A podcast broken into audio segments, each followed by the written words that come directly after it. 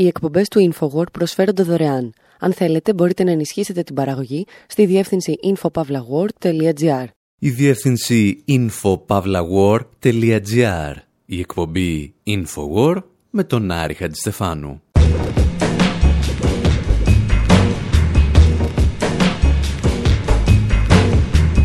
Όπου σήμερα κάνουμε μια μικρή ανασκόπηση στη μουσική που γεννήθηκε και αναγεννήθηκε στη Χιλή ένα μήνα μετά την έναρξη των μαζικών κινητοποιήσεων.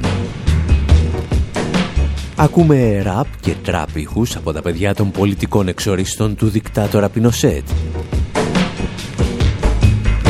Βλέπουμε το δόγμα του σοκ, τη θεωρία της Ναόμι Κλάιν, να γίνεται τραγούδι στη Χιλή τη χώρα όπου εφαρμόστηκε με θρησκευτική ευλάβεια ο συγκεκριμένος μηχανισμός για να γεννηθεί ένα νέο οικονομικό σύστημα.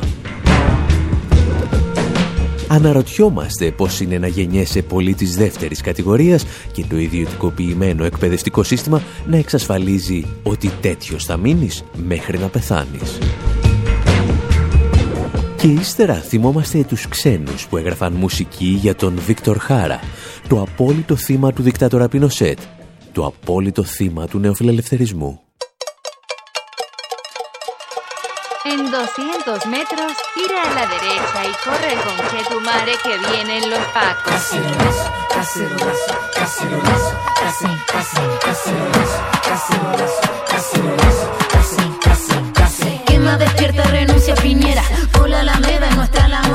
Cuchara de palo frente a tus balazos y el toque de queda. Cacerolazo no son 30 pesos, son 30 años la constitución y los perdonas. Con puño y cuchara frente al aparato y a todo el Estado. Cacerolazo, y escucha vecino, aumenta la vecina y a la barricada de gasolina.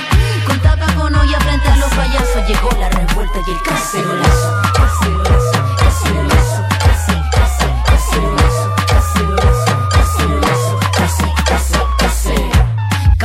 Catrillán, Macarena Valdés, Numa FP, abajo el TPP, por la educación y por la salud, ni la razón ni la fuerza, Numa es esclavitud. Cacerolazo,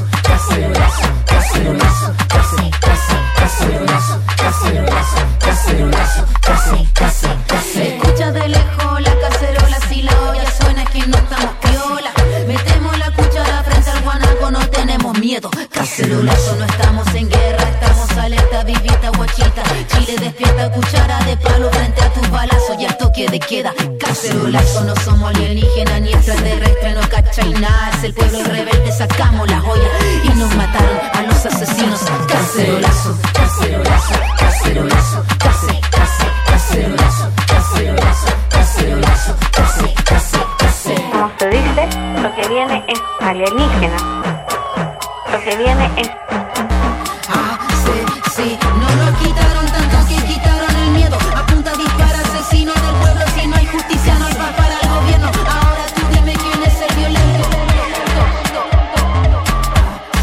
lo más importante es Το κασερολάσο που ακούτε είναι ένα από τα τραγούδια που γράφτηκαν για τον ξεσηκωμό της Χιλής και σε λίγα 24 ώρα απέκτησαν χαρακτηριστικά θρύλου. muy, muy, muy bien.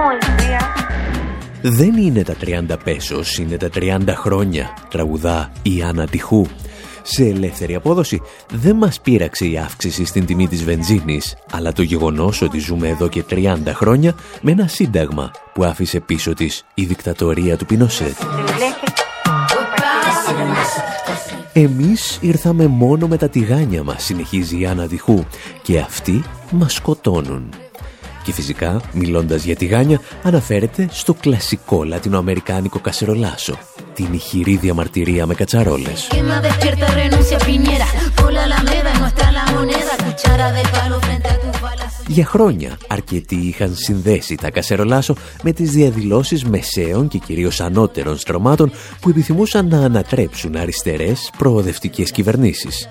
Συνήθως με τη βοήθεια μιας ξένης υπερδύναμης που λεγόταν Ηνωμένες Πολιτείες.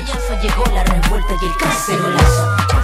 Αυτό που συνέβη δηλαδή στη Χιλή πριν από το πραξικόπημα της 11 Σεπτεμβρίου του 1973.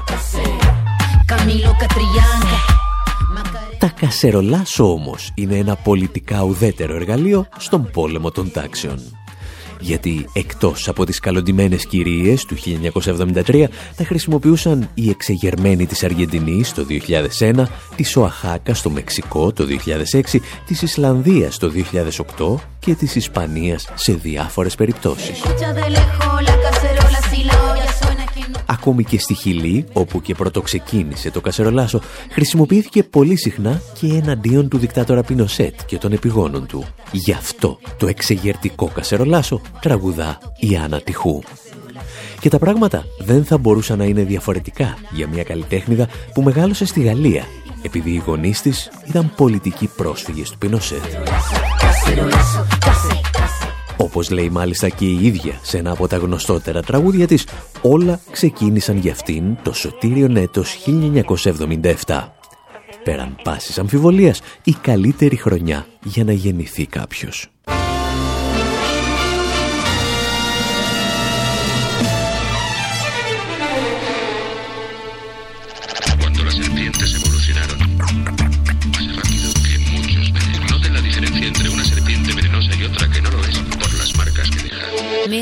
...1970... ...1970... ...1970... ...1970... Nací un día de junio del año 77... ...planeta Mercurio y el año de la serpiente... Signo patente tatuado y en mi frente que en el vientre de mi madre marcaba el paso siguiente. Nacer llorar sin anestesia en la camilla. Padre solo dijo es Ana María. Sí sería el primer llanto que me probaría, que mandó las heridas y dándome la batería. Solía ser entonces como un libro abierto, pero leí la letra pequeña del texto, como un arquitecto construyendo cada efecto. Correcto, incorrecto, se aprende todo al respecto. Saber que algunas personas quieren el daño, subir peldaño toma tiempo, toma año. Con mi peluche mirando lo cotidiano, dibujos transformaban el invierno en gran verano. Papá me regaló bajo mi insistencia un juego que trataba de compartir la solvencia. Pero en el patio hicieron la competencia, fue cuando sentí mi primera impotencia. 1970 y 1970 y 1970. 1977,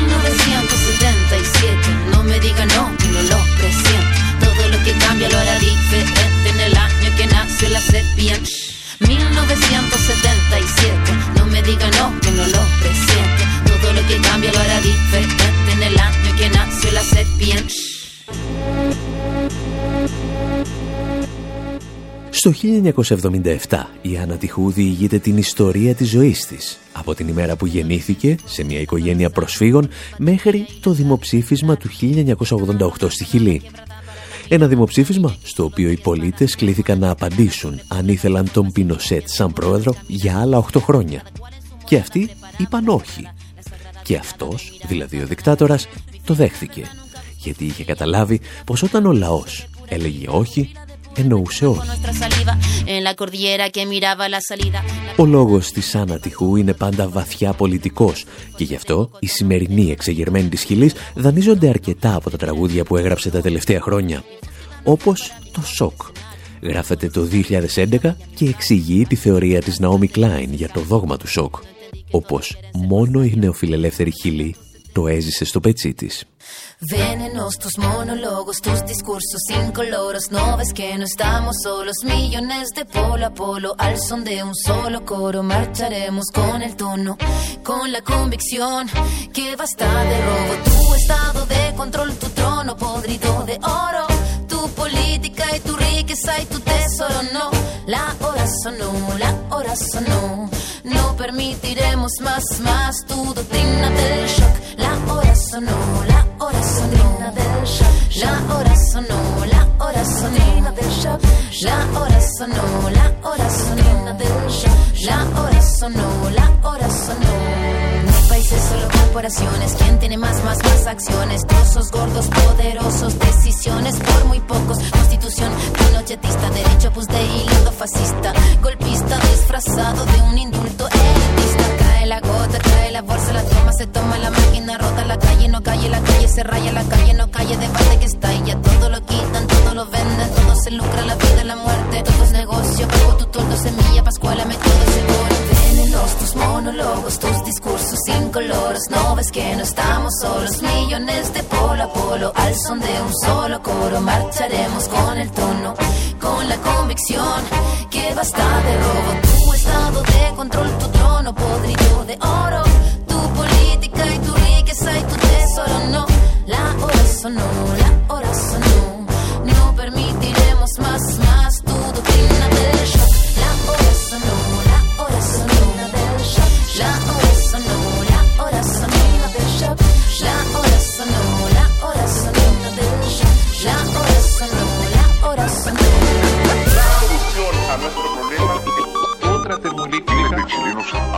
Η Άννα Τυχού εμπνέεται λοιπόν από το βιβλίο της Naomi Klein «Το δόγμα του σοκ» και γράφει ένα τραγούδι για τα αποτελέσματα αυτής της πολιτικής στη Χιλή. Το αφιερώνει στους εξεγερμένους μαθητές και φοιτητές του 2011 που καταδικάζουν ολόκληρο το νεοφιλελεύθερο ιδιωτικό σύστημα εκπαίδευσης του Πινοσέτ.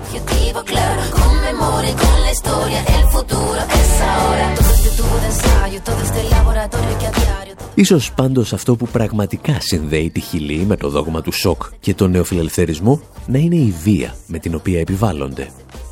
Ας μην ξεχνάμε άλλωστε ότι και η ίδια η Naomi Klein συνέλαβε την ιδέα για το δόγμα του σοκ από τα βασανιστήρια που πραγματοποιούνταν στη Λατινική Αμερική.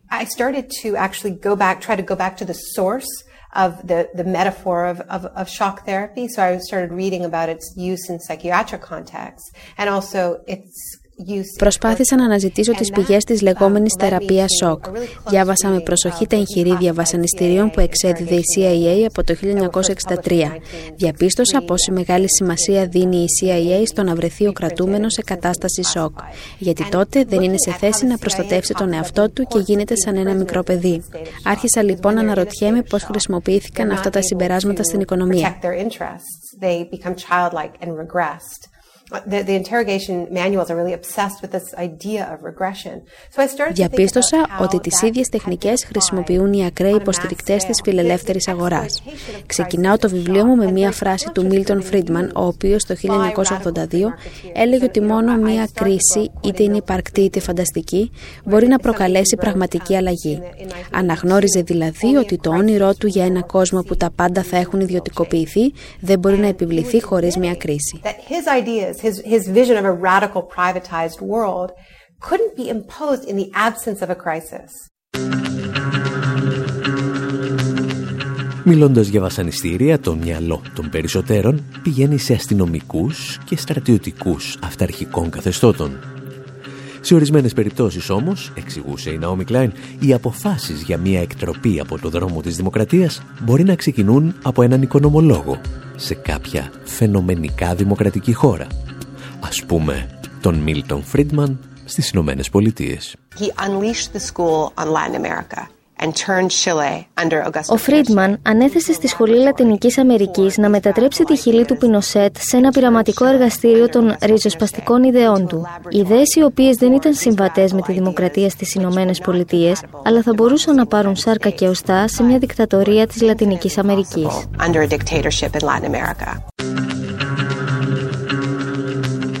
Το πώς θα βρεθεί τελικά ο πληθυσμός σε κατάσταση σοκ προκειμένου να δεχθεί τα οικονομικά μέτρα που κάποιοι θέλουν να επιβάλλουν εξαρτάται συνήθως από την τοπική κυβέρνηση.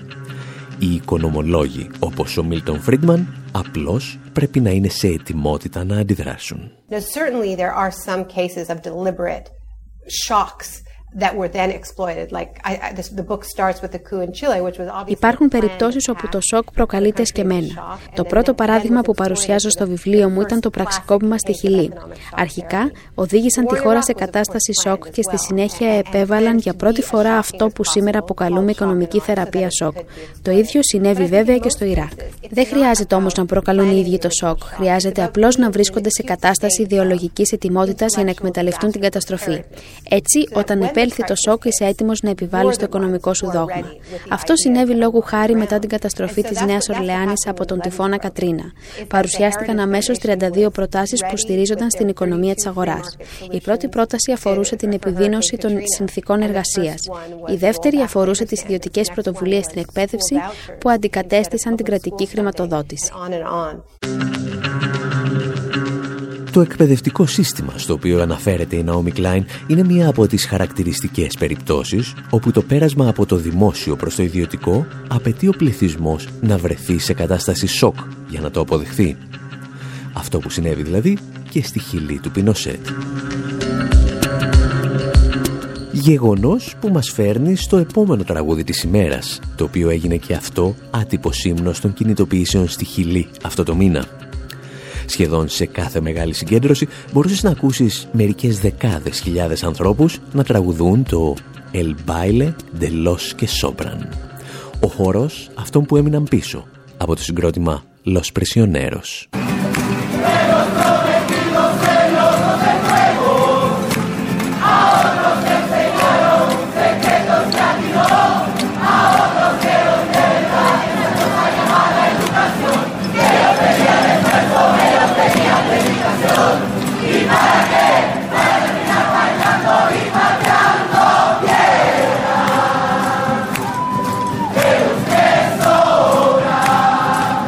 Το El Baile de los que Sobran θα γίνει λοιπόν ο δεύτερος από τους τρεις σημαντικότερους ύμνους των κινητοποιήσεων στη Χιλή. Όπως και τα τραγούδια της Άννα Τιχού περιγράφει τις επιπτώσεις του νεοφιλελευθερισμού που άφησε πίσω του ο δικτάτορας Πινοσέτ και εστιάζει στην ιδιωτικοποίηση του συστήματος εκπαίδευσης.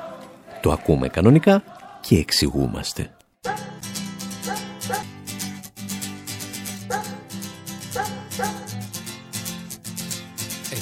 Noche más de caminar. Es otro fin de mes sin novedad.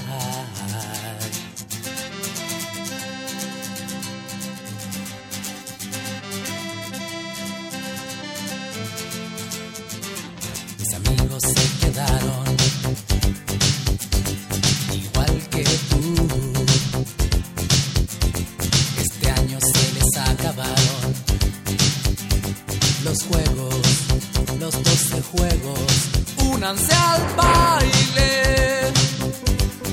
de los que sobran. Nadie los va a echar de más,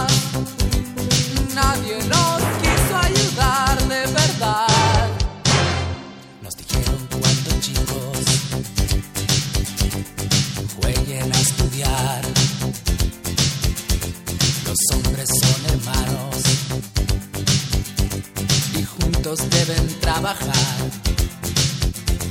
Oías los consejos, los ojos en el profesor, había tanto sol sobre las cabezas y no fue tan verdad porque esos juegos al final terminaron para otros con laureles y futuros y dejaron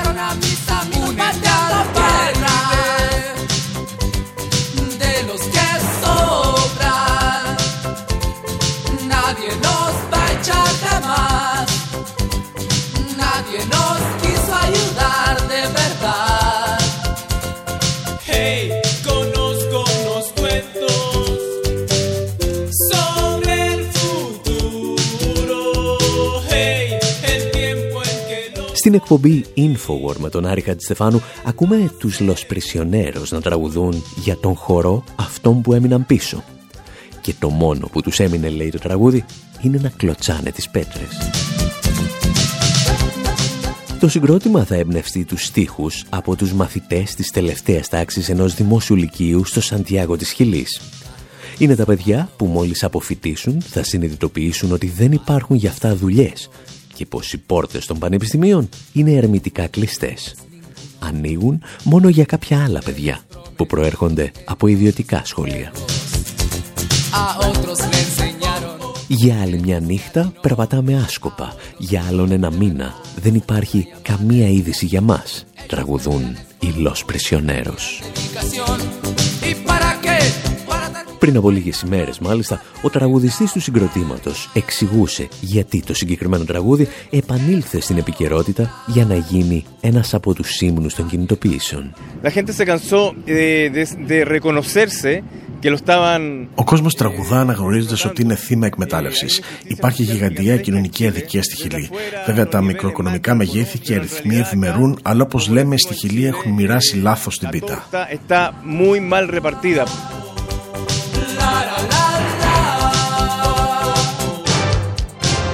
Ο χορός των ανθρώπων που έμειναν πίσω λοιπόν είναι ο χορός των ανθρώπων μιας χώρας με τους καλύτερους μακροοικονομικούς δείκτες στη Λατινική Αμερική.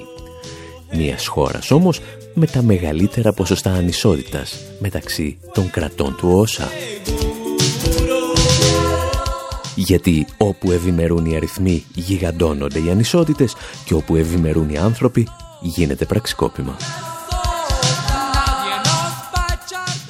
Αυτό τουλάχιστον, για να έρθουμε στα δικά μας, υποστηρίζουμε εμείς στο ντοκιμαντέρ Make the Economy Scream. Εκεί όπου συνδέουμε το πραξικόπημα της Χιλής με τα αποτυχημένα πραξικοπήματα της Βενεζουέλας. Και αν θέλετε να το δείτε στη μεγάλη οθόνη, θα προβληθεί για τρεις ακόμη ημέρες στον κινηματογράφο Στούντιο στην Αθήνα. Τη Δευτέρα 2 Δεκεμβρίου, την Τρίτη 3 και την Τετάρτη 4 στις 9 το βράδυ.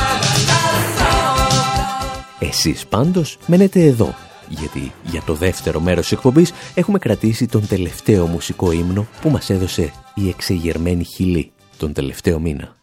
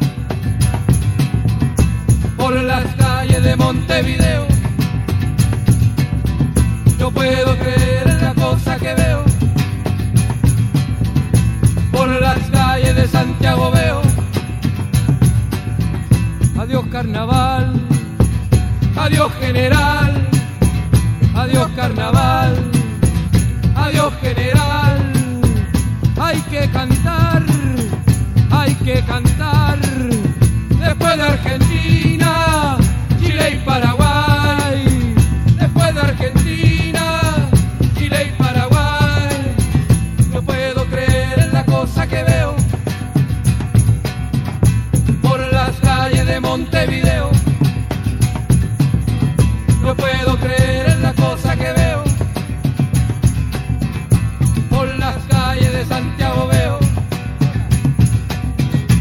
Οι εκπομπές του InfoWord προσφέρονται δωρεάν. Αν θέλετε, μπορείτε να ενισχύσετε την παραγωγή στη διεύθυνση infopavlagor.gr.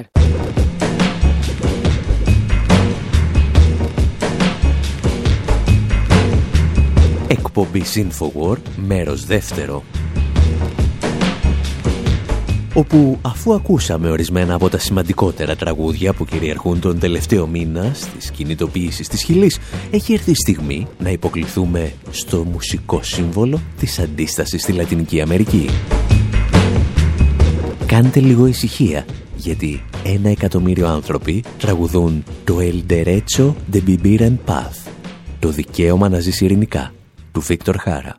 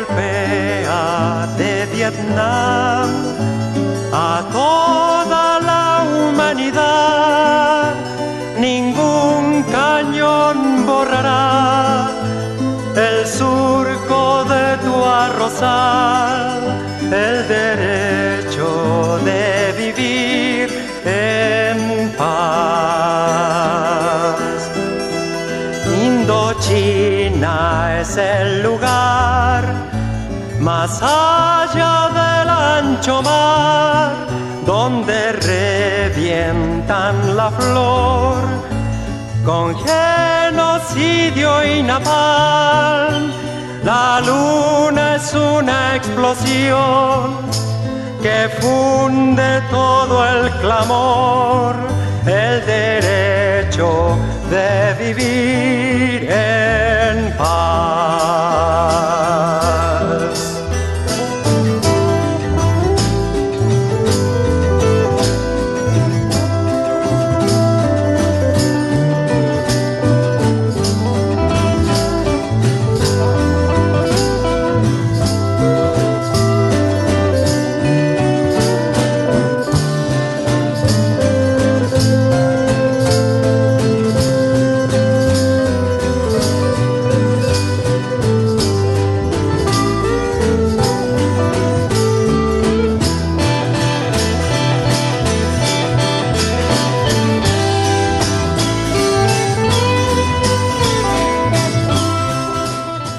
Derecho de Vivir en Paz γράφεται τη δεκαετία του 70 και αποτελεί έναν ύμνο στο Βιετναμέζο κομμουνιστή ηγέτη Χοτσιμίν και το λαό του Βιετνάμ.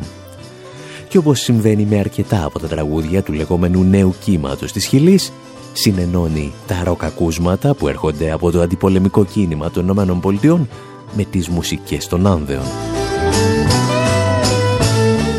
Και αυτό ακριβώς το τραγούδι θα αποφασίσουν να διασκευάσουν περίπου 30 χιλιανοί καλλιτέχνες μόλις η αστυνομία και ο στρατός της χώρας θα αρχίσει να δολοφονεί, να τυφλώνει και να βιάζει διαδηλωτές. Πριν από ένα μήνα. Και η δική τους εκδοχή πηγαίνει κάπως έτσι. El derecho de vivir sin miedo en nuestro país, en conciencia y unidad, con toda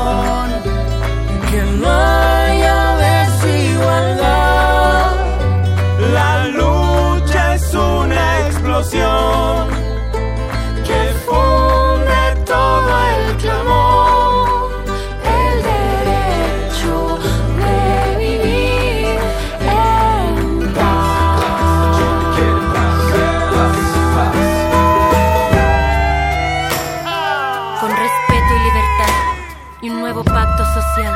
Que no haya desigualdad.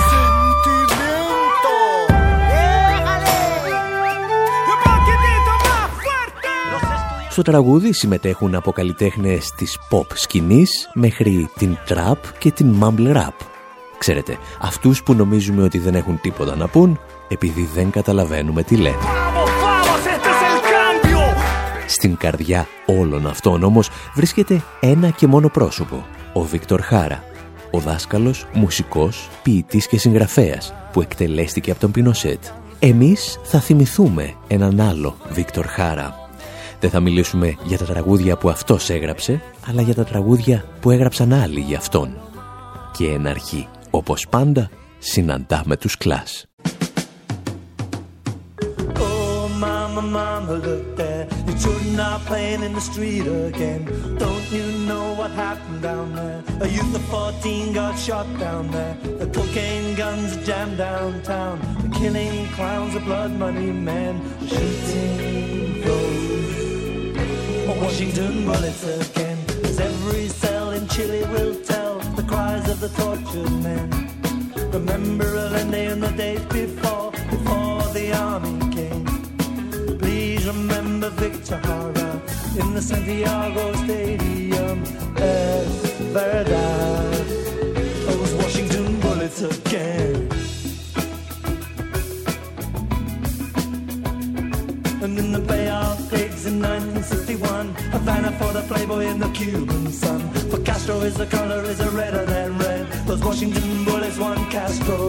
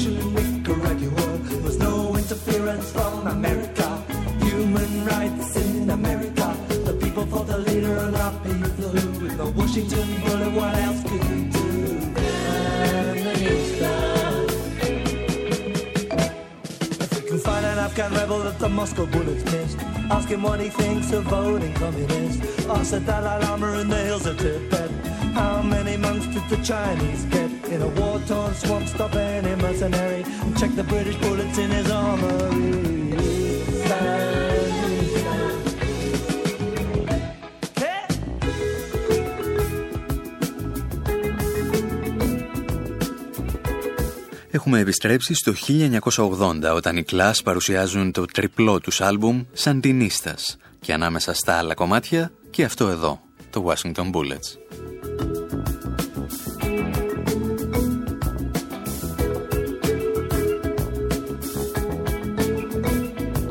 Μέσα σε περίπου τρία λεπτά το τραγούδι περιγράφει την εξωτερική πολιτική της Ουάσιγκτον στη Λατινική Αμερική για το δεύτερο μισό του 20ου αιώνα. Ξεκινά με την επανάσταση της Κούβας και την εισβολή των χείρων για να φτάσει μέχρι το κίνημα των Σαντινίστας στην Ικαράγουα.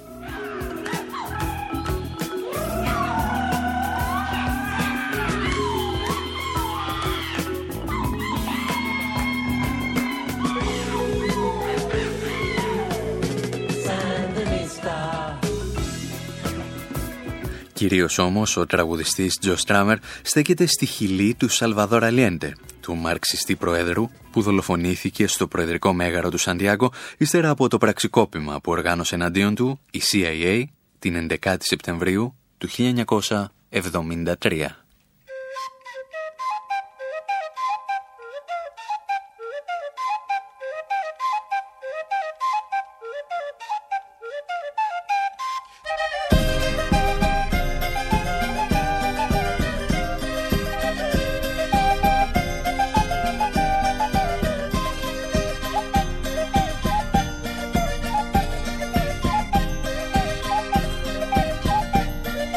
Εκείνο το πραξικόπημα και οι τελευταίες στιγμές του Αλιέντε θα καταγραφούν από εκατοντάδες καλλιτέχνες σε ολόκληρο τον πλανήτη. Ο Κώστας Γαβράς σκηνοθετεί τον Αγνοούμενο, ο Μιχάλης Καγογιάννης τη Γλυκιά Πατρίδα, ο Πατέρησιο Γκουσμάν την υπόθεση Πινοσέτ και ούτω καθεξής.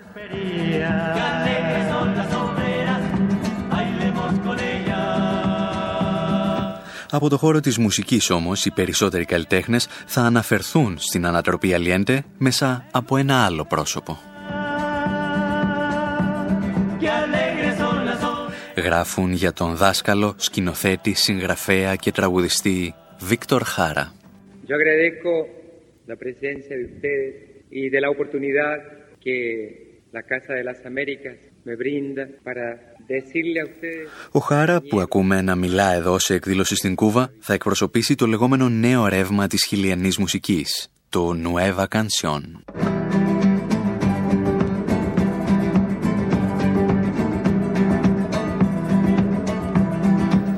Βρίσκεται από την πρώτη στιγμή στο πλευρό του Σαλβαδόρα Αλιέντε, μια επιλογή που θα πληρώσει και αυτός με τη ζωή του.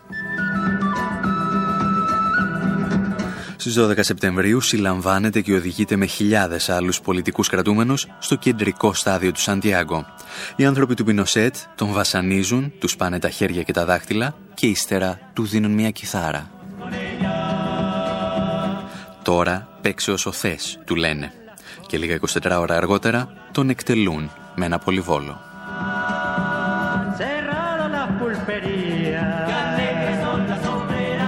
Για αυτόν τον Βίκτορ Χάρα θα τραγουδήσουν μερικές δεκαετίες αργότερα οι γη του το τραγούδι τους One Three Hill.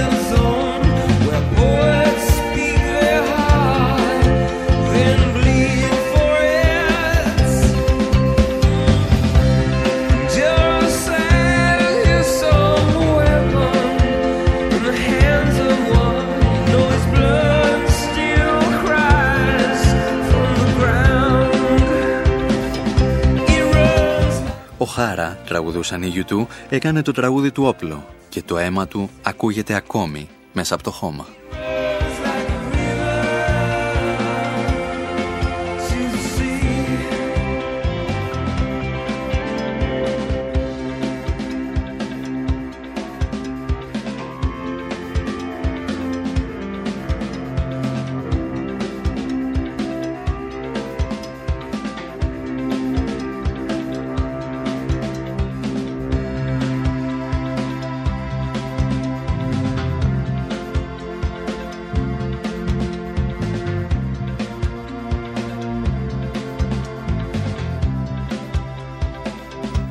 U2 είναι ένα από τα τελευταία ευρωπαϊκά συγκροτήματα που θα ασχοληθούν με τον Χάρα. Ένα από τα πρώτα που αφιέρωσαν το έργο τους στον χιλιανό καλλιτέχνη ήταν πορτογαλικό. Ονομάστηκαν Brigada Vitor Hara, ταξιαρχία Βίκτορ Χάρα, ένα μείγμα παραδοσιακής μουσικής της Πορτογαλίας και λατινοαμερικάνικων ήχων.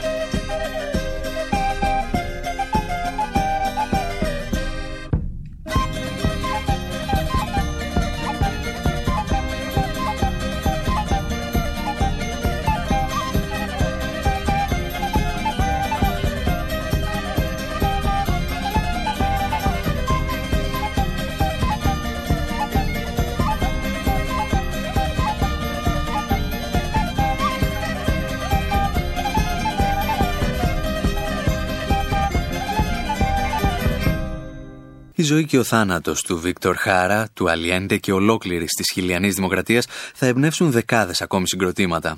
Από την παραδοσιακή μουσική της Πορτογαλίας, οι ήχοι θα περάσουν στη γειτονική Ισπανία. Και εκεί, με λίγη επεξεργασία, τα τραγούδια μετατρέπονται σε σκά από το συγκρότημα Σκαπέ της Μαδρίτης. No olvidaremos el valor de Víctor Jara, dando la cara siempre a la represión.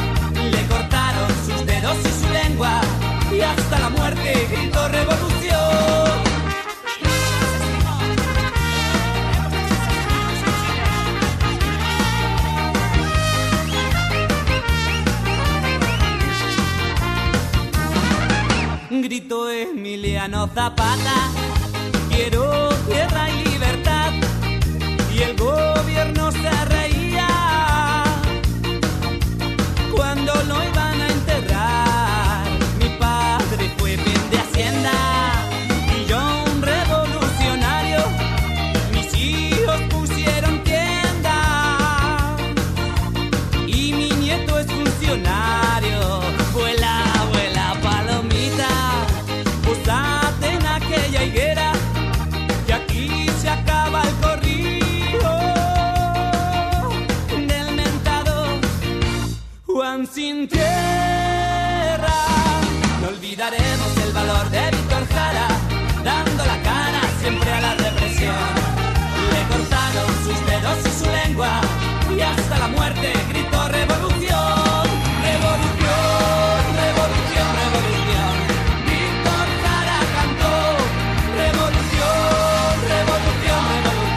όταν οι Ισπανοί σκάπε σταματούν, το μικρόφωνο περνά στους γνωστούς μας Simple Minds από τη Σκοτία. Χαμηλώνουν τους τόνους και αφιερώνουν το άλμπουμ τους Street Fighting Years και το ομώνυμο τραγούδι στον Χάρα και ολόκληρη τη Χιλή.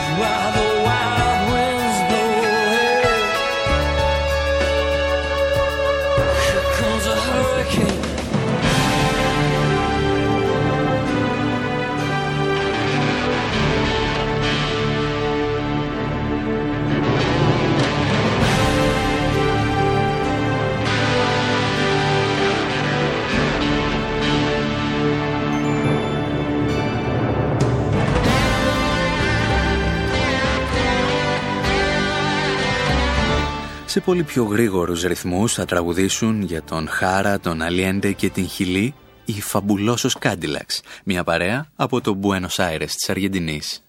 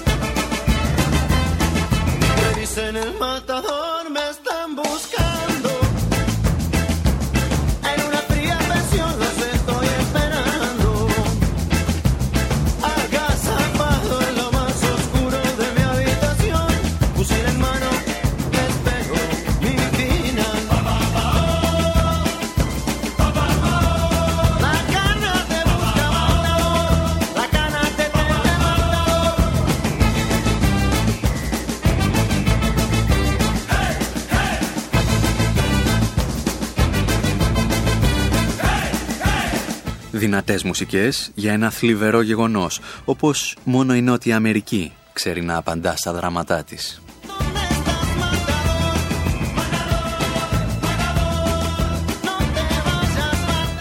Και από τη μουσική των Fabulosos Cadillacs θα κλείσουμε με μια άλλη Cadillac που περνάει και από τη Χιλή.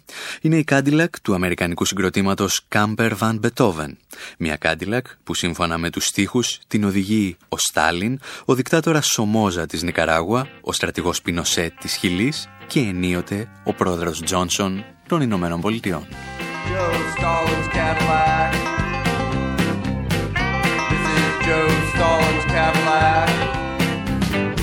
Από τον Άρχα Στεφάνου και όλους τους τεχνικούς και ηχολήπτες που εργάστηκαν για αυτή την εκπομπή, γεια σας και χαρά σας.